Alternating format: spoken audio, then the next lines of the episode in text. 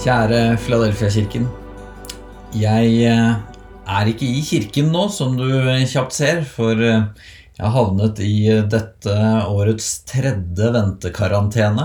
Eh, Når man har fire barn, som vi har, så, så er det ganske ofte at noen blir nærkontakter med noen, så da får vi gjøre det hjemmefra i dag. Så nå er du inne fra mitt hjemmekontor i hagen. Men jeg har gledet meg til i dag fordi vi er i en serie gudstjenester som er spennende, nemlig serien Vi leser Bibelen. Du vet, den boken som i kommentarfelt på nettet både omtales som eventyrbok, eller som brukes til å slå andre i hodet med. Bakgrunnen er at vi i Filadelfia-kirken har satt eh, syv, syv prinsipper for hvordan vi leser Bibelen. Du som noterer vil kanskje merke deg disse syv prinsippene, for de balanserer og utdyper hverandre. I denne serien så forsøker vi å stoppe ved de fleste av disse syv, selv om vi bare har fire søndager. De syv er, for det første, vi leser Bibelen som en disippel. Det innebærer at vi tror Bibelen er inspirert av Gud, og vi leser den i bønn om at Gud ved sin ånd må lære oss å følge Jesus gjennom det vi leser. Derfor så leser vi for det andre Bibelen med ydmykhet. Bibelen er øverste autoritet for liv og lære. Det innebærer også at vi er ydmyke i forhold til at vår egen tolkning og forståelse aldri er fullkommen eller ferdig. Så leser vi Bibelen kristologisk, altså at Bibelens sentrum er Jesus Kristus. Det gamle testamentet peker frem mot Jesus, det nye testamentet forteller oss om Jesus, og vi må lese alt i lys av Jesus. Det fjerde er at vi leser Bibelen kontekstuelt. Det betyr, vi spør hva var konteksten, settingen, hvem var den første tilhøreren, leseren, hvordan var deres verden, deres forståelse, hva betyr det for hvordan vi kan ta dette på alvor i vår tid? Så leser vi for det femte Bibelen helhetlig ved at vi tolker de uklare stedene i lys av de klare, det perifere i lys av det sentrale budskapet. For det sjette så leser vi Bibelen sammen i både tid og rom. Vi leser sammen i tid med kristne gjennom hele historien, tilbake til de første kristne. Vi kaller det den lange tradisjonen. Og så leser vi i rom sammen med kristne i alle slags kirker på alle slags steder. Til sist så har vi prinsippet som vi skal stoppe opp ved i dag. Vi leser Bibelen praktisk. Så altså, vi leser som disipler, med ydmykhet, kristologisk, kontekstuelt, helhetlig, sammen og praktisk. Så hva betyr det når vi sier at vi leser Bibelen praktisk? Vi skal stoppe ved tre sider ved det i dag. Det at vi leser personlig, praktisk og påpasselig. La oss begynne med personlig først. Vi lever jo i en tid der vi er særlig opptatt av å markere oss riktig når det gjelder meninger. Vi kan legge et filter på Facebook som sier at vi støtter flyktninger eller klima eller noe annet, og så føler vi at vi har bidratt. Og for all del, symboler og ord betyr masse, så vi har gjort noe. Men jeg blir også av og til litt matt over meg selv. Det er så lett å sitte her inne på det trygge kontoret mitt, eller mett og god i en sofa og mene masse, uten at det behøver å berøre livet mitt i det hele tatt, sånn i praksis. Så også med Bibelen. Vi kan lese Bibelen som en bok med masse religiøse påstander for diskusjon, og jeg har mange ganger, dessverre nesten alltid bare i ettertid, tatt meg i å diskutere hva jeg mener er riktig forståelse av Bibelen, på en så engasjert og nedlatende måte at jeg har såret de jeg har diskutert med. Og da kan man jo spørre seg hvor riktig teologi jeg argumenterte for, hvis jeg gjorde det på en måte som bare skjøv de jeg snakket med, bort fra Jesus. Altså, vi kan forholde oss til Bibelen som en bok for de store ideene. Den er det. Men for at vi skal lese praktisk, så må den bli mer personlig enn det.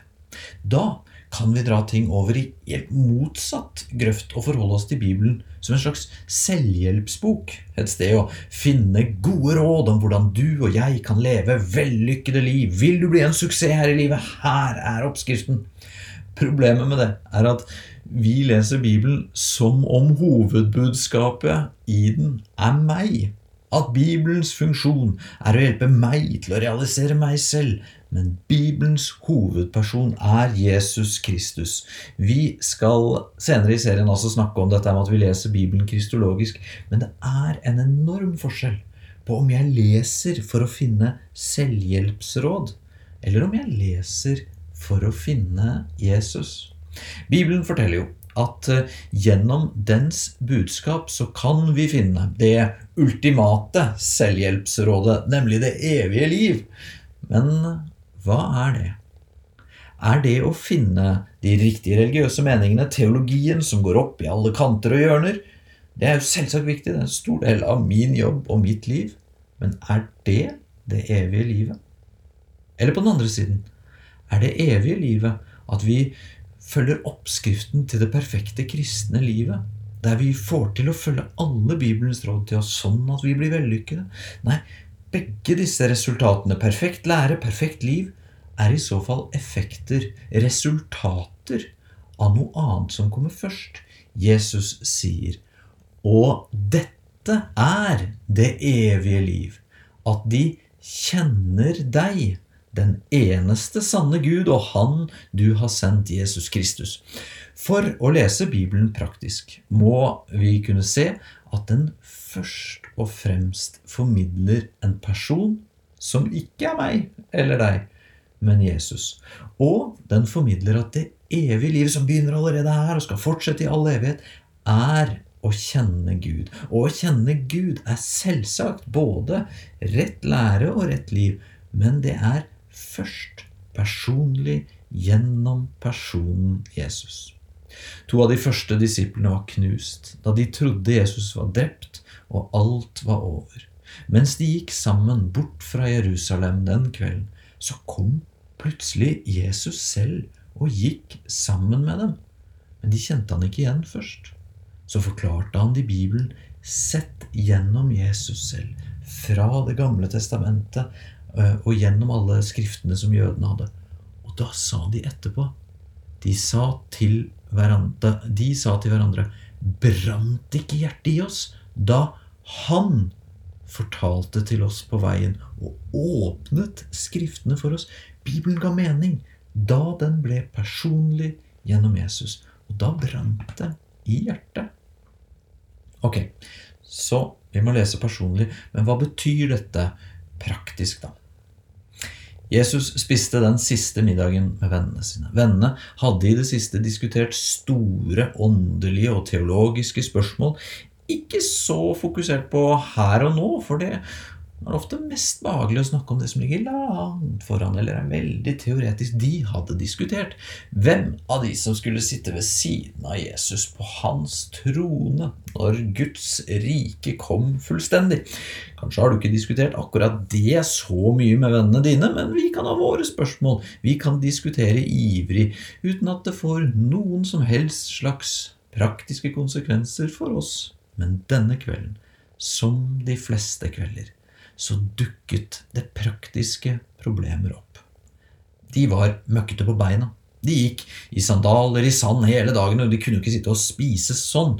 Og så var det ikke noen tjener der til å vaske føttene deres om det skulle være dårlig sted. Noen må skjerpe seg. Disiplene var i modus av å skulle sitte på tronen med Jesus, og de ville i hvert fall ikke ydmyke seg og vaske noens føtter. Da tok Jesus frem vaskefatet og begynte å vaske føttene deres. Det ble klein stemning, som barna mine sier. Noen begynte å, å, løpe til med håndklær og greier, men det så så dumt ut, de hadde jo akkurat nektet å bidra. Da han hadde vasket føttene deres og tatt på seg kappen, tok han plass ved bordet igjen. Så sa han til dem, Forstår dere hva jeg har gjort for dere. Dere kaller meg mester og herre, og dere gjør det med rette, for jeg er det. Når jeg, som er herren og mesteren, har vasket deres føtter, da skylder også dere å vaske hverandres føtter. Jeg har gitt dere et forbilde, slik som jeg har gjort mot dere. Skal også dere tenke, eh, mene, eh, si til andre? Nei, gjøre. Og for å understreke dette, så sa Jesus, nå vet dere dette, og salige er dere, så sant dere også gjør det. Sånne som meg er glad i teori. Jeg mener ofte at hvis vi bare tenker og forstår riktig, så kommer alt det andre av seg selv. Men Jesus utfordrer til å si at det er ikke nok å bare vite. Vi må bli praktiske også. Ok, så å lese Bibelen praktisk betyr å lese den personlig, at vi ser at dens budskap springer ut fra et personlig forhold til Jesus. Så betyr det at vi faktisk vil la den påvirke det vi gjør helt praktisk. Men hvordan leser vi personlig og praktisk fra en så gammel bok? Skrevet i en så annen tid. Da kommer vi til det siste punktet. Vi leser påpasselig i betydning at vi leser bevisst. Senere i denne serien skal vi se på dette, eh, hva det f.eks. betyr at vi leser Bibelen kontekstuelt. Altså at vi spør hva hørte og så de som var der da det skjedde. For skal man bli praktisk, så må man også være påpasselig og våken, så man ikke leser og tolker overfladisk. Eksempel er det kanskje ikke fysisk fotvask som er det mest naturlige i og nødvendige i vår kultur og tid. Det kan bli klein stemning på en annen måte hvis du drar i gang det. Men det kan være å ta oppvasken. Eller vaske. Eller noe annet. Min besteforeldregenerasjon hadde sett mennesker spille seg fra gård og grunn og miste alt, og sette familie og barn på gata gjennom kortspill. Det kunne derfor være solidarisk og fint, da mange i den generasjonen tok avstand fra kortspill. Ut ifra det vonde de hadde sett. Det var derimot vanskeligere for meg som barn å skulle skjønne hva som var feil med Uno-kortene våre. Og da kan det bli overfladisk å opprettholde et ytre forbud mot kortspill hvis man ikke er påpasselig med å forstå det som ligger bak. På Jesu tid var det litt forenklet sett to grupper religiøse ledere. Den ene gruppen det var sadukeerne og overprestene. Dette var eliten som hadde pengene, de fine bygningene, og de var populære hos makten i samfunnet. De kontrollerte tempelet i Jerusalem, men folket hatet sadukeerne. De så på dem som korrupte og maktsøkende, og Jesus hadde egentlig lite med dem å gjøre til de mot slutten kom på banen og fikk han korsfestet. Den andre gruppen religiøse ledere sto egentlig Jesus mye nærmere. Disse de var folkets helter. Dypt alvorlige religiøse menn som forkynte strengt fra Guds ord, og som ikke kompromisset på det som var sant. De satt fremst i synagogene, altså lokalkirker i vår kontekst, og de definerte vanlige folks forståelse av Gud. De ble kalt fariseere. Og det var disse siste Jesus oftest kom i klinsj med, kanskje særlig av måten de forholdt seg til Skriftene, Bibelen i vår kontekst. La oss se på en av de gangene Jesus gikk i klinsj med fariseerne, fra Matteus kapittel 23. Så talte Jesus til folket og til disiplene og sa:" På stolen til Moses sitter de skriftlærde og fariseerne. I synagogen hadde man faktisk en, en, stol foran der de satt. Men Jesus snakker her i overført betydning om at de har, hadde rollen som lærere for folket. Alt det de sier, skal dere derfor gjøre og holde.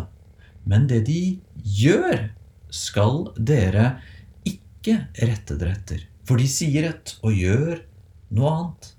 Altså, det kan ofte være sant, det de sier selv om Jesus også flere ganger var uenig i deres tolkning av loven. Men så kommer det altså Selv om de leser og sier det som er riktig, så gjør de noe annet. Hva da, f.eks. Jesus? De binder tunge bører som ikke er til å bære, og legger dem på skuldrene til folk, men selv vil ikke løfte en finger for å flytte dem. Altså, de ga ikke en tro som var til hjelp for folk. Og selv om de nok selv holdt seg til lovens bokstav, altså den ytre, overfladiske delen av loven, så hadde de ikke lest den påpasselig. For hør hvordan Jesus fortsetter. Alle sine gjerninger gjør de for at folk skal se det. De gjør bønneremmene brede og minneduskene store. De liker å ha hedersplassen i selskapet og sitter fremst i synagoger, og at folk hilser dem på torget og kaller dem rabbi. Hva er det som foregår her? Jo, hør nå.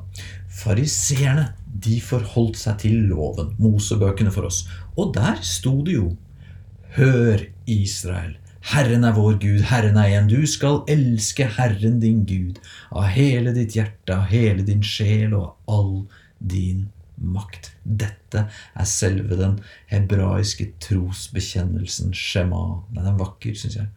Men hør fortsettelsen. Disse ordene som jeg pålegger deg i dag, skal du bevare i ditt hjerte. Du skal gjenta dem for dine barn og snakke om dem når du sitter i ditt hus, når du går på veien, når du legger deg, når du står opp. Du skal binde dem om hånden som et tegn og ha dem på pannen som et merke. Og det var akkurat dette fariseerne hadde gjort. De hadde tatt pergamentbiter, særlig med denne skjemabekjennelsen, og så hadde de lagt den inni ampuller og festet på armen og pannen helt fysisk, og så hadde de etter hvert tatt større og større ampuller og bønneremmer for å virkelig vise hvor gudfryktige de var. Og så sier Jesus at det var ikke, det var ikke så praktisk vi skulle lese. Eller egentlig at vi må lese mer påpasselig, så vi forstår det vi leser. Og så sier han til dem, den er ganske ramsalt, den, eh, det oppgjøret står her. Ved dere skriftlærde og farisere, dere hyklere! Dere gir tiende av mynte og anis og karve, sånn som loven har beskrevet at man skal, men forsømmer det som veier mer i loven, rettferdighet, barmhjertighet og troskap. Det ene burde gjøres, og det andre ikke forsømmes. Blinde veiledere som siler bort myggen, men sluker kamelen. Det var mye insekter på denne tiden, så når de drakk vin, så silte de ofte vinen sånn at man skulle få vekk småkryp. Og Jesus sier altså at om vi ikke leser påpasselig, så kan vi risikere å klare å sile vekk småtterier, men miste helhetsbildet. Sli, slippe en mygg, men sluke en kamel. Jesus er frodig i språket. Det er fint og riktig å gi tiendes Jesus, men det er noe som veier enda mer. Rettferdighet, barmhjertighet og troskap. Og det er derfor vi trenger hverandre. For i det store gudstjenestefellesskapet som vi har et slags substitutt for her og nå, tamtett, men så forsøker vi hver uke å dele med hverandre hvordan vi praktisk leser og dermed lever Bibelen. I småfellesskapene hjemme så kan vi lese Bibelen sammen og se at vi ikke blir sånne som går oss bort i en ytre og overfladisk forståelse, men at vi leser personlig ut ifra relasjonen med Jesus. At vi leser praktisk med det konstante ønsket i å omsette det vi lever, i vårt eget liv. Og altså at vi leser påpasselig, med at vi ikke ender som fariseerne med en misforstått ytre forståelse av Bibelen, men at vi ser hva som er sentralt, og hvordan i våre liv her og nå at vi bruker det vi leser. Så med den bønnen om at vi må få være en kirke som leser Bibelen praktisk. Gud velsigne deg.